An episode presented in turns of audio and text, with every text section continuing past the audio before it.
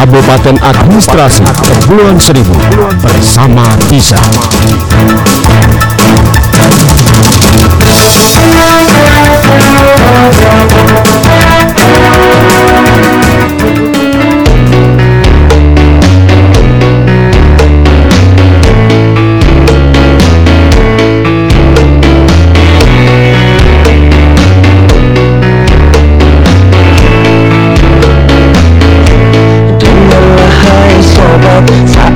Maksiat Dan kau bayangkan ajal mendekat Apakan kau buat? Kau takkan selamat.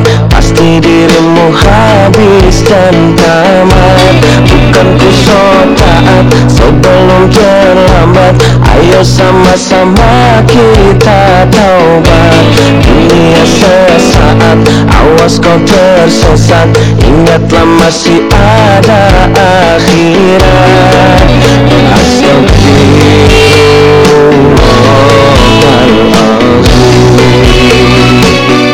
Ingat mati, ingat sakit Ingatlah saat kau sulit. Ingat, ingat hidup cuma satu kali. Berapa dosa kau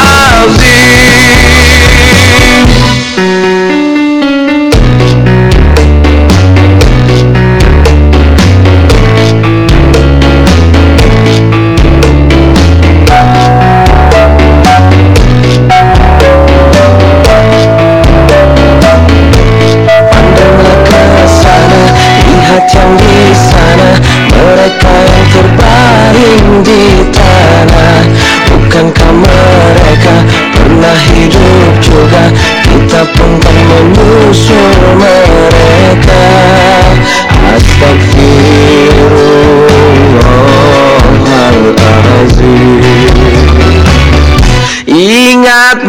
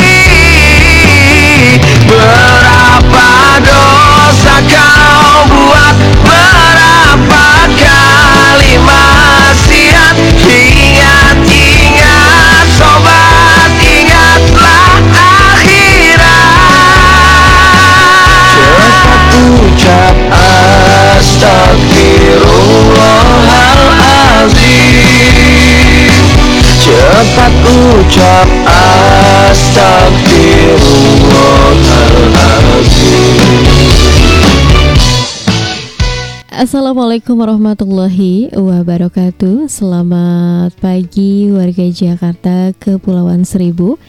Kembali mengudara di ruang dengar Anda di 94.1 RKS FM di segmen Lobster, lagu-lagu dan obrolan terkini Ditemani dengan sajian lagu-lagu pop Indonesia religi untuk Anda di edisi Jumat 8 Januari 2021. Kan selamat pasti dirimu Pendengar setia, Santi hadir di dua jam ke depan dari jam 10 pagi hingga jam 12 siang nanti dengan beragam informasi terupdate dari berita pulau seribu.jakarta.co.id berita jakarta.co.id dan beberapa informasi terupdate lainnya untuk Anda dan tidak ketinggalan selalu ada info Islam untuk Anda di hari Jumat ini. Ya, semoga nanti informasi yang Santi hadirkan untuk Anda bermanfaat di hari ini.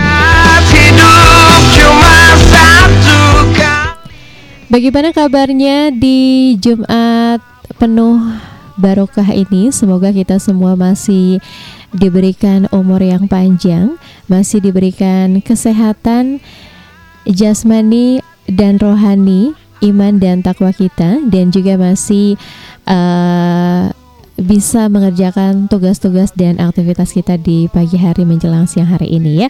Semoga berjalan lancar dan menyenangkan. Satu tembang manis nanti ketengahkan untuk Anda yang masih setia stay tune bersama Radio Kepulauan Seribu ada Wali dengan Tomat Tobat Maksiat untuk Anda. Iya, di satu jam ke depan Radio Podcast Santi hadir uh, menemani Anda selain ada informasi uh, terupdate dan juga info Islam. Santi punya lagu-lagu pilihan untuk Anda di lagu pop Indonesia religi. Pendengar setia, mengawali perjumpaan kita di pagi hari ini Informasi berita pulau seribu.jakarta.co.id Santi hadirkan untuk Anda. Ingat sakit Ingatlah saat Kita mulai dari informasi yang pertama Sudin SDA perbaiki manhole di Pulau Untung, Jawa.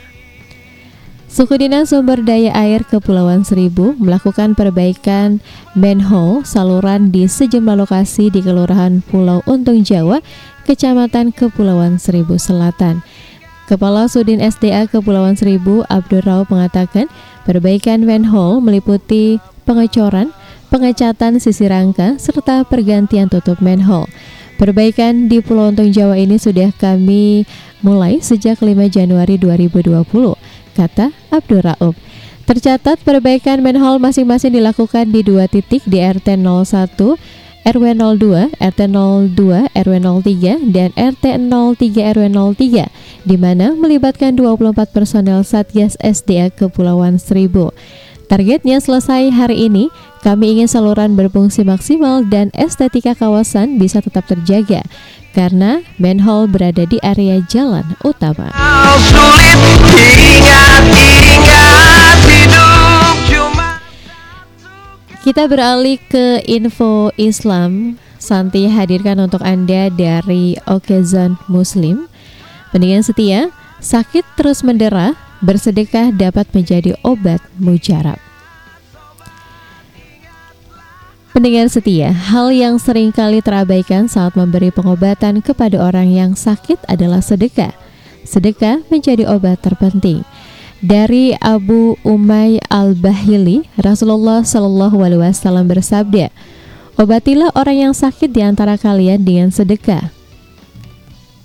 Kemudian Al-Iman Al-Munawi berkata, maksudnya adalah sedekah sunnah. Dikala seseorang berharap kesembuhan dengan cara mengeluarkan sedekah, maka sungguh itu obat yang sangat mujarab.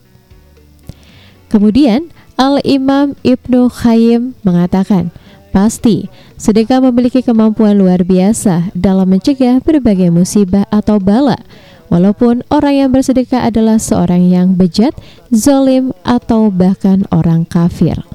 Habis dan tamat Bukan ku so taat Sebelum terlambat Ayo sama-sama kita tahu Pendengar setia Ustadz Abdul Wahid At-Tamimi dalam pesannya dikutip pada uh, Senin 4 Januari 2021 menyebutkan karena dengan sebab sedekah itulah Allah menolak musibah atau bala dengan beragam bentuknya. Hal yang demikian ini pada asalnya telah diketahui oleh setiap orang, baik awan maupun bukan. Bahkan penduduk bumi mengakui hal ini karena mereka telah membuktikannya. Hidup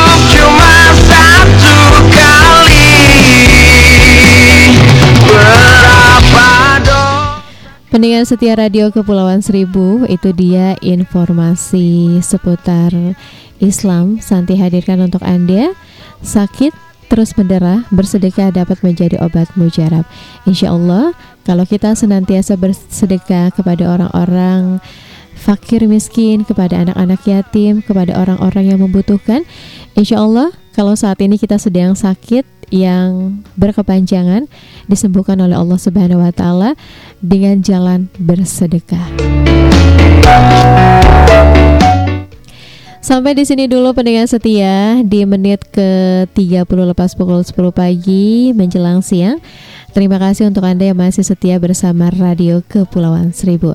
Jangan ke mana-mana, masih banyak informasi seputar Islam Santi hadirkan untuk Anda. Jadi stay tune terus bersama Radio Kepulauan Seribu di 94.1 RKS FM. Kabupaten Administrasi Kepulauan Seribu bersama Tisa.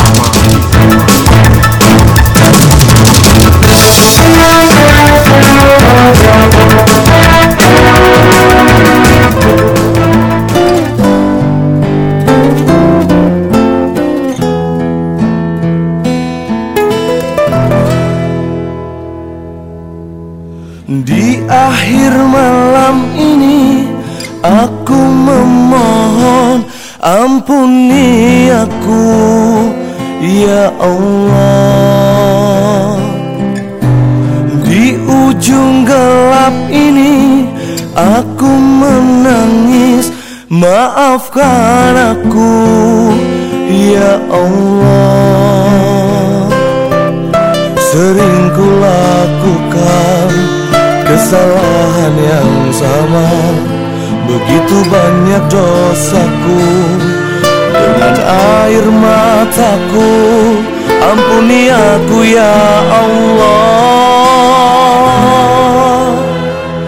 Ya Allah, ya Allah Ampunilah dosaku. Ya Allah, ya Rahman Beri jalan lurusmu Aku bertobat Ampuni dosaku. Di akhir malam ini Aku memohon Ampuni aku. Ya Allah. Di ujung gelap ini Aku menangis Maafkan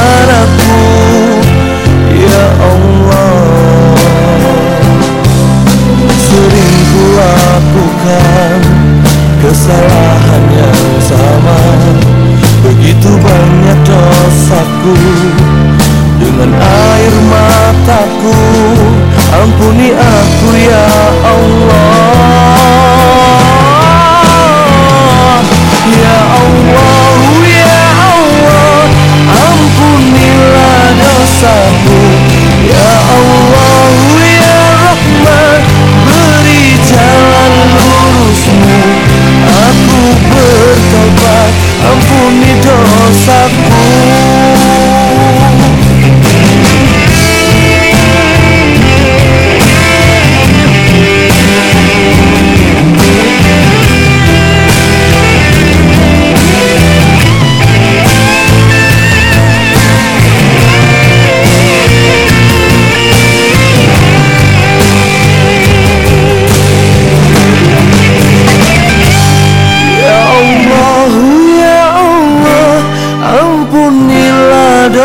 dosaku.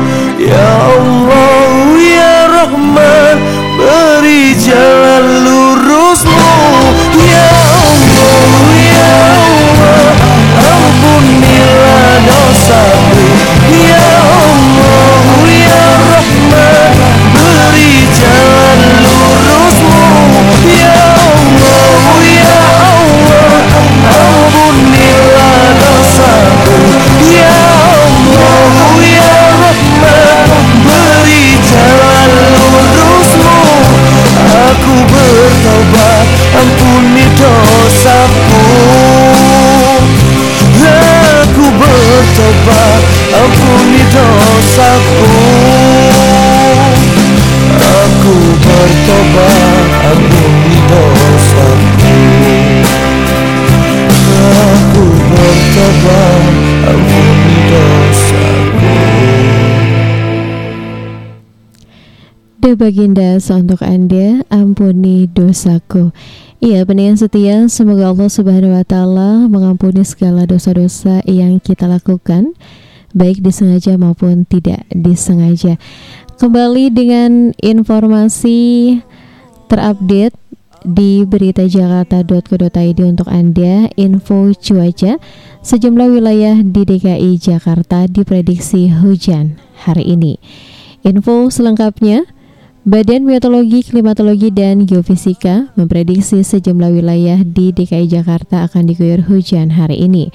Warga diminta tetap waspada dengan perubahan cuaca. Kepala Bagian Hubungan Masyarakat BMKG Ahmad Taufan Maulana mengatakan, Pagi hari berawan, siang hari hujan ringan di Jakarta Barat, Jakarta Pusat, dan hujan petir di Jakarta Selatan dan Jakarta Timur. Sedangkan malam hari hujan ringan di Jakarta Barat dan Kepulauan Seribu. Dini hari berawan, hujan ringan di Kepulauan Seribu, ujar Taufan, Jumat 8 Januari 2021. Taufan menyebutkan, suhu udara di Jakarta hari ini antara 24 hingga 33 derajat Celcius dengan kelembaban udara 80 sampai 95 persen. BMKG juga menghimbau warga untuk waspada dengan potensi hujan yang dapat disertai kilat, petir, dan angin kencang berdurasi singkat di wilayah Jakarta Utara, Jakarta Barat, Jakarta Pusat, Jakarta Selatan, dan Jakarta Timur pada pagi hari. Karena di bulan Januari 2021 ini sudah memasuki musim penghujan ya pendengar setia, hampir di seluruh wilayah DKI Jakarta diguyur hujan termasuk Kepulauan Seribu. Sejak tadi malam hingga saat ini uh, Hujan gerimis mengguyur wilayah Kepulauan Seribu baik yang ada di utara maupun yang ada di selatan ya. Semoga membawa keberkahan untuk kita semua. Amin ya robbal alamin.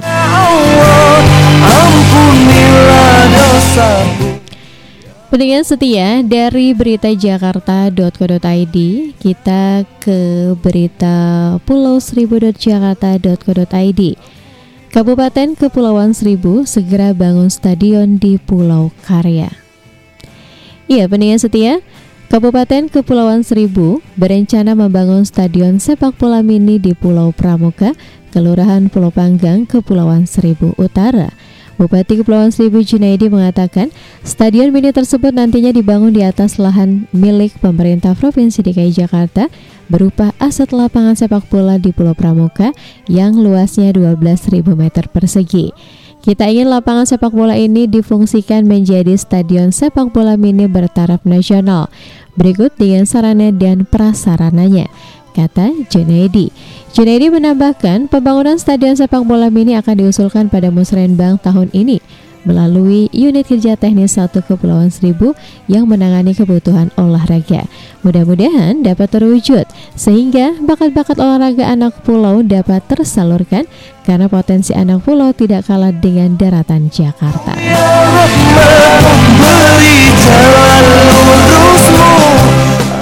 Dua informasi terupdate Santi hadirkan untuk Anda di pagi menjelang siang hari ini. Semoga menambah pengetahuan dan wawasan Anda seputar wilayah Kepulauan Seribu. Aku ampuni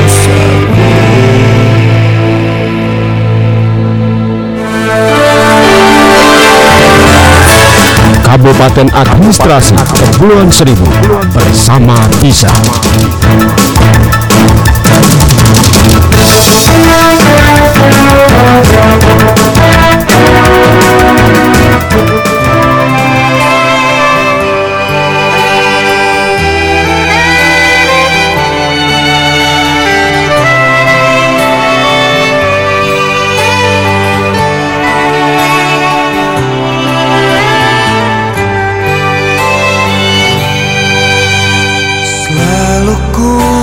menyakiti engkau.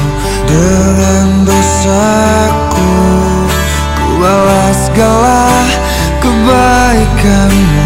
Dengan kekurangan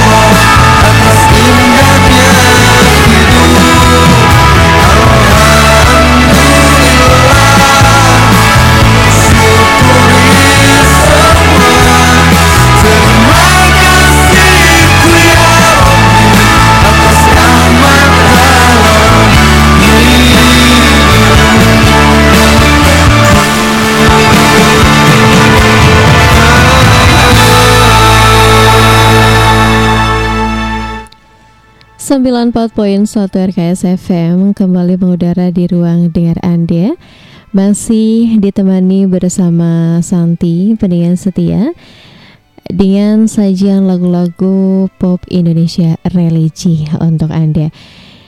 Iya, pendengar setia di mana pun Anda berada, terima kasih untuk Anda yang masih setia bersama Radio Kepulauan Seribu hingga saat ini. Semoga informasi dan lagu-lagunya bermanfaat untuk Anda di hari ini. Masih ngobrolin seputar info Islam, bersedekah selain dapat menjadi obat mujarab, ternyata banyak sekali eh, manfaat dari sedekah dalam kehidupan kita sehari-hari pendengar setia. Dan tahukah Anda tujuh manfaat sedekah bagi kehidupan manusia? Salah satunya memperpanjang usia.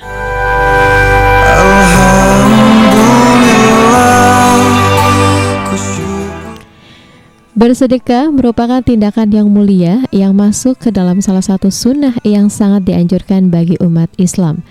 Tak hanya berbentuk harta benda saja, melakukan sedekah bisa dengan apa pun, seperti ibadah fisik non-material, seperti menolong orang lain dengan tenaga dan pikirannya, senyum, memberi nafkah keluarga, mengejarkan ilmu, berzikir, dan lain sebagainya. Manfaat sedekah bukan hanya dapat meringankan beban bagi yang menerimanya, melainkan juga bermanfaat bagi kelangsungan hidup yang memberinya. Allah sangat memuliakan orang-orang yang bersedekah, bahkan menjanjikan dan menyediakan balasan-balasan yang sangat besar. Balasan Allah Subhanahu wa taala itu pun dapat kamu rasakan baik secara langsung maupun secara tidak langsung saat menjalankan kehidupan sehari-hari. Bahwa nafas yang ku hirup adalah kuasamu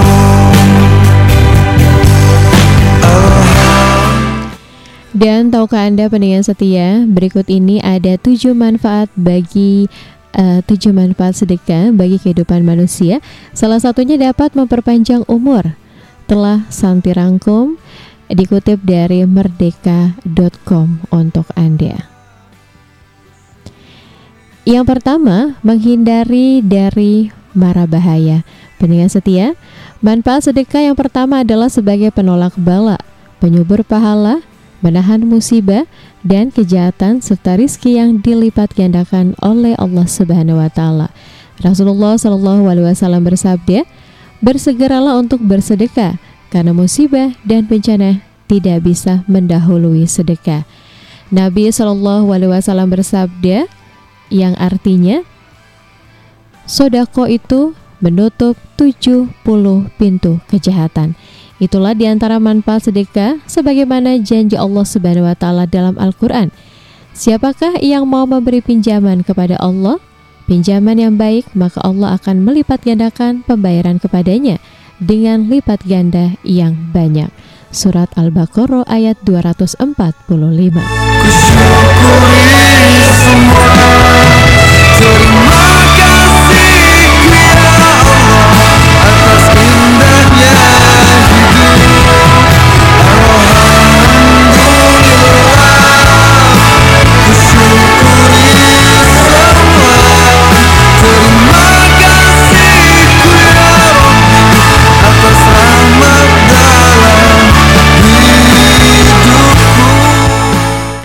Manfaat yang kedua, membuka pintu rezeki. Pendengar setia, manfaat sedekah berikutnya adalah membuka pintu rezeki. Rasulullah Shallallahu Alaihi Wasallam bersabda dalam hadis riwayat Baihaqi, turunkanlah rezekimu dari Allah dengan mengeluarkan sedekah. Diriwayatkan juga dalam hadis riwayat Muslim, Hai anak Adam, infaklah infakkanlah hartamu, niscaya aku memberikan nafkah kepadamu.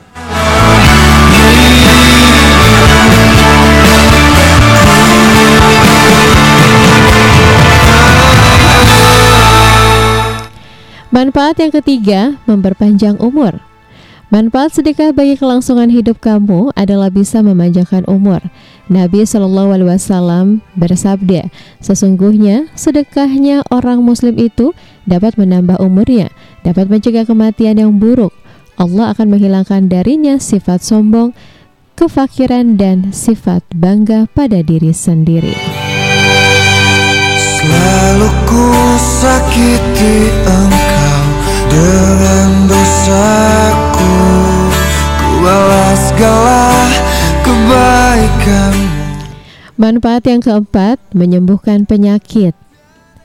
Pendengar setia seperti yang Santi eh, sebutkan tadi, Rasulullah Shallallahu Alaihi Wasallam bersabda, bentengilah hartamu dengan zakat, obati orang-orang sakit dari kalanganmu dengan bersedekah, dan siapkan doa untuk menghadapi datangnya bencana. Hal ini berarti bahwa dengan melakukan sesuatu yang positif seperti bersedekah, maka akan meningkatkan sistem imun atau kekebalan tubuh, sehingga tubuh lebih kuat menghadapi penyakit. Manfaat kelima, melipat gandakan rizki pendengar setia. Allah berfirman dalam surat Al-Baqarah ayat 261, perumpamaan nafkah yang dikeluarkan oleh orang-orang yang, yang menafkahkan hartanya, hartanya di jalan Allah adalah serupa dengan sebutir benih yang menumbuhkan tujuh bulir. Pada tiap-tiap bulir seratus biji, Allah melipat gandakan bagi siapa yang dia kehendaki dan Allah maha luas karunianya lagi maha mengetahui. Pendengar setia radio Kepulauan Seribu, manfaat yang keenam sebagai naungan di hari kiamat.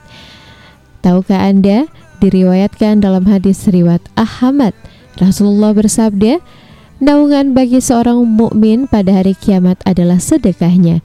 Dengan banyaknya keuntungan yang didapatkan melalui sedekah, umat Islam dianjurkan untuk gemar bersedekah apalagi di bulan Ramadan. Subhanallah ya, pendengar setia. Kemudian yang terakhir adalah menghapus dosa. Siapa sangka manusia memang tidak pernah luput dari yang namanya dosa. Nabi Muhammad SAW bersabda, sedekah itu dapat menghapus dosa sebagaimana air itu memadamkan api. Sedekah merupakan cara mudah yang disediakan oleh Allah agar dapat mengikis perbuatan-perbuatan dosa yang telah diperbuat kamu tersenyum saja sudah termasuk ke dalam sedekah. Karena senyum merupakan salah satu sedekah termudah yang dapat kamu sebarkan dengan mengukir garis senyum di bibir.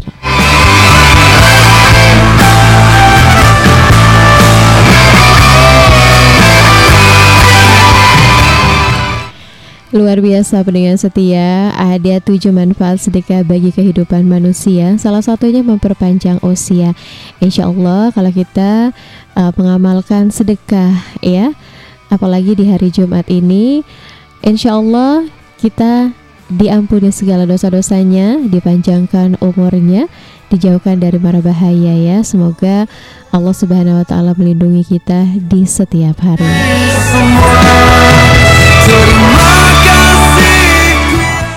Semoga info Islam yang sudah Santi hadirkan untuk Anda bermanfaat di pagi menjelang siang hari ini. Jangan ke mana-mana, Santi masih akan setia menemani Anda. Jadi stay tune terus bersama Radio Kepulauan Seribu. Kabupaten Administrasi Kepulauan Seribu bersama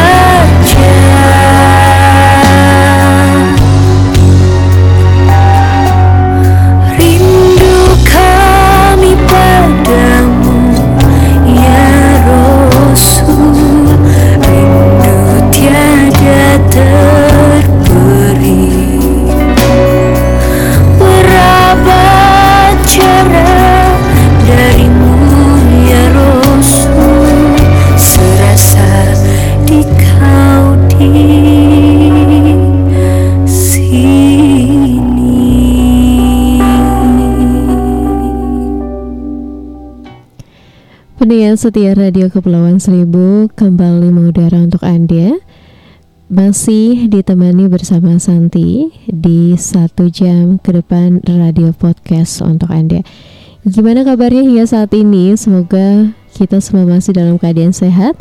Aktivitasnya masih berjalan lancar seperti biasa Dan sukses selalu menyertai kita di hari ini. Rindu kami padamu Terima kasih untuk Anda yang sudah like status Santi di Beranda RKS Kepulauan Seribu Ada Mbak Erna, ada Mbak Nining Syem, ada Pak Indra Supriyatna dan Pak Teguh Prasetyo. Terima kasih untuk Anda yang sudah setia bersama Radio Kepulauan Seribu. Informasi terupdate untuk Anda sebagai informasi selanjutnya dari detiknews.com. Meski renovasi rampung, Masjid Istiqlal belum gelar sholat Jumat hari ini. Dapatkah kami membalas cintamu Pendengar setia Radio Kepulauan Seribu, Masjid Istiqlal telah rampung direnovasi dan diresmikan oleh Presiden Joko Widodo. Namun, Masjid Istiqlal belum menyelenggarakan gelaran sholat Jumat hari ini. Belum ada sholat Jumat mengingat penyebaran COVID-19 di DKI Jakarta masih tinggi. Pertimbangannya seperti itu, kata Wali eh, Wakil Kepala Bidang Penyelenggara Peribadatan Masjid Istiqlal Abu Hurairah kepada wartawan di Masjid Istiqlal pada hari Jumat 8 Januari 2021. Abu belum dapat memastikan kapan Masjid Istiqlal dioperasionalkan kembali untuk peribadatan. Dia berharap masjid terbesar di Indonesia ini dapat segera digunakan untuk umum pada waktu dekat. Diberitakan sebelumnya, Presiden Joko Widodo telah meresmikan Masjid Istiqlal yang sudah rampung direnovasi. Kepala negara mengajak umat mematuhi protokol kesehatan ketika beribadah di Masjid Istiqlal. Mengingat penyebaran pandemi COVID-19 masih terjadi di tempat kita, saya ajak umat Islam yang menggunakan Masjid Istiqlal baik untuk beribadah dan kegiatan lain untuk tetap mematuhi dengan disiplin protokol kesehatan dengan ketat kata Jokowi di Masjid Istiqlal, Jakarta Pusat. Saat peresmian renovasi Masjid Istiqlal, Jokowi berharap Masjid Istiqlal menjadi contoh pengembangan syiar Islam yang membangun perdamaian. Sebagai negara berpenduduk muslim terbesar di dunia, Masjid Istiqlal harus menjadi contoh dari masjid-masjid negara lain di dunia dalam mengembangkan syiar Islam yang menyejukkan, yang membangun toleransi dan membangun perdamaian.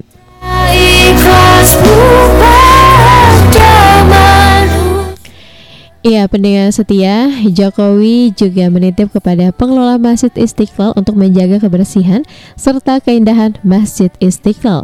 Diharapkan Masjid Istiqlal menjadi tempat ibadah yang nyaman bagi masyarakat.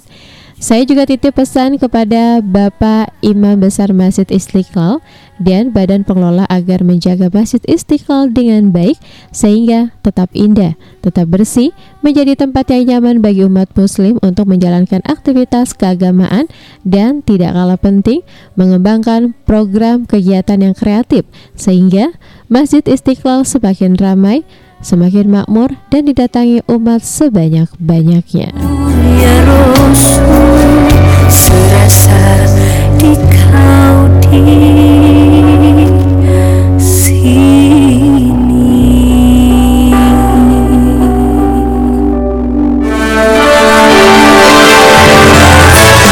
Kabupaten Administrasi Kepulauan Seribu bersama.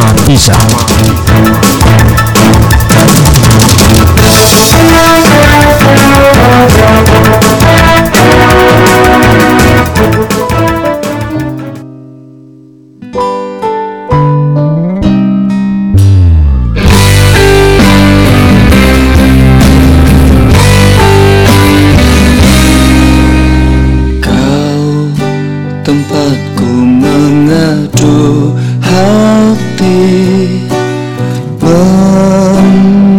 segala hidup. Dunia dan seisinya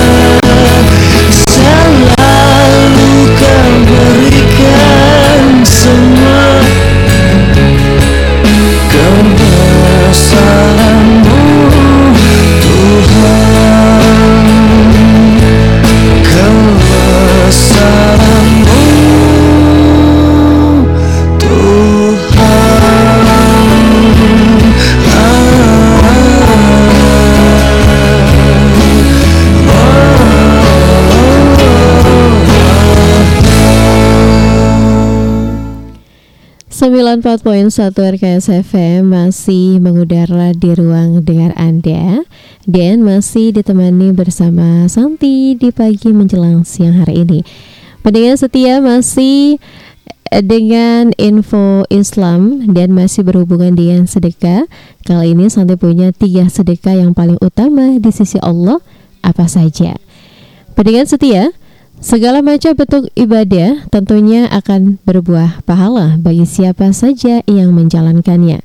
Di antara sekian banyak bentuk ibadah, sedekah merupakan salah satu bentuk amalan yang selain mendatangkan pahala, juga sangat membantu bagi sesama manusia.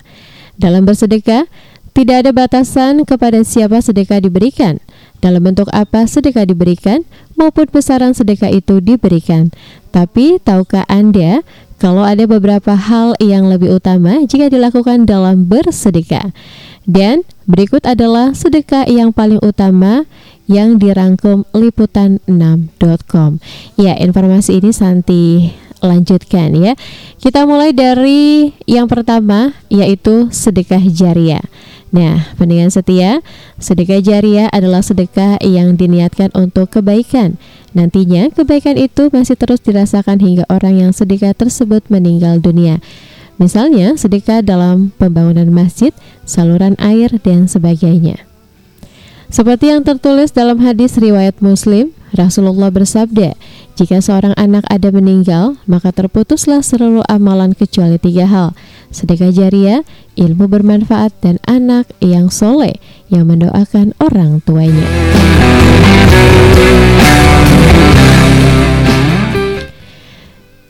Kemudian yang kedua, sedekah yang sembunyi-sembunyi. Kita dianjurkan untuk tidak pamer atau ria dengan semua bentuk ibadah yang kita lakukan, terutama sedekah. Dalam surat Al-Baqarah ayat 262 Allah berfirman, orang-orang yang menafkahkan hartanya di jalan Allah, kemudian mereka tidak mengiringi apa yang dinafkahkannya itu dengan menyebut pemberiannya dan dengan tidak menyakiti perasaan si penerima, mereka memperoleh pahala di sisi Allah. Selain itu, pendengar setia, Allah juga menegaskan firman-Nya dalam Al-Baqarah ayat 264 bagi orang yang memamerkan amalan sedekahnya. Allah berfirman, "Hai orang-orang berfirman, janganlah kamu menghilangkan pahala sedekahmu dengan menyebut-nyebutnya dan menyakiti perasaan si penerima." Dan yang ketiga, sedekah kepada kerabat. Sebagai manusia, sepatutnya kita tidak memilih-milih kepada siapa kita bersedekah. Namun, ada baiknya kita mengedepankan orang terdekat yang terkena musibah untuk kita bantu. Seperti yang tertulis dalam hadis riwayat Tarmizi, Rasulullah bersabda, Bersedekahlah kepada orang miskin adalah satu sedekah dan kepada kerabat ada dua kebaikan, sedekah dan silaturahim.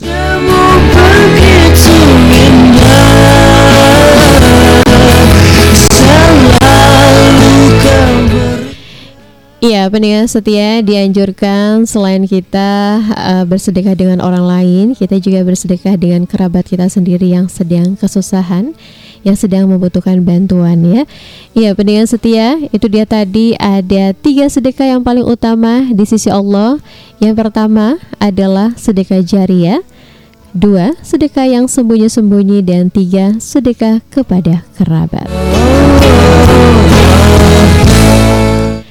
Pendengar setia Radio Kepulauan Seribu sudah satu jam berlalu Radio Podcast bersama Santi menemani Anda di pagi menjelang siang hari ini. Saatnya Santi undur diri dari ruang dengar Anda. Terima kasih untuk Anda yang masih setia stay tune bersama Radio Kepulauan Seribu hingga satu jam ke depan ini. Informasi yang sudah Santi hadirkan untuk Anda semoga bermanfaat ya dan uh, sukses selalu untuk kita di hari ini. Akhir kata Santi ucapkan wassalamualaikum warahmatullahi wabarakatuh.